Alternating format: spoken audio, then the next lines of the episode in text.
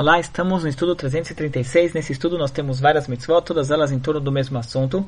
Primeiro é a mitzvah que nós temos de apontar um rei. Então essa mitzvah de apontar um rei é uma mitzvah da Torá, uma mitzvah instrutiva da Torá. Na sequência nós temos sobre esse rei tem algumas regras. Primeiro, não pode ser um convertido, tem que ser alguém que sua mãe é judia. Depois nós temos a proibição que esse rei não pode ter muitas esposas. Na época era permitido poligamia para o povo de modo em geral. O rei não poderia ter muitas esposas. Ele não poderia ter muitos cavalos.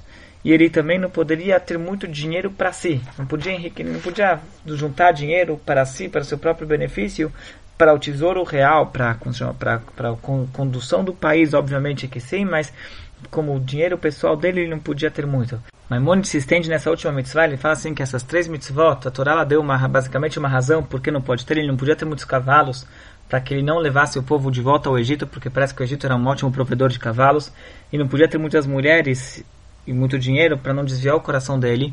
E é, são, essa é uma das poucas mitzvot que a, que a Torá ela escreveu claramente a razão.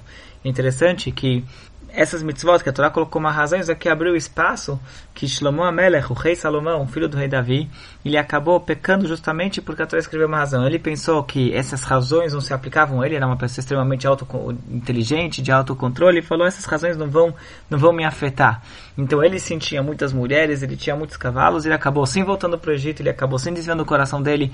Isso aqui é só para mostrar que apesar que a Torá escreve uma razão, a razão não é o motivo para qual a Torá proíbe, e a gente nunca pode. Se a Torá escrevesse a razão para todas as mitzvot, a gente acabar pensando que, ah, essa razão não se aplica para mim, a gente não cumprir a mitzvah, e a gente vê que, que, que no final das contas aqui pode levar, acabando a pessoa, levar a pessoa à degradação, como aconteceu com o rei Shlomo.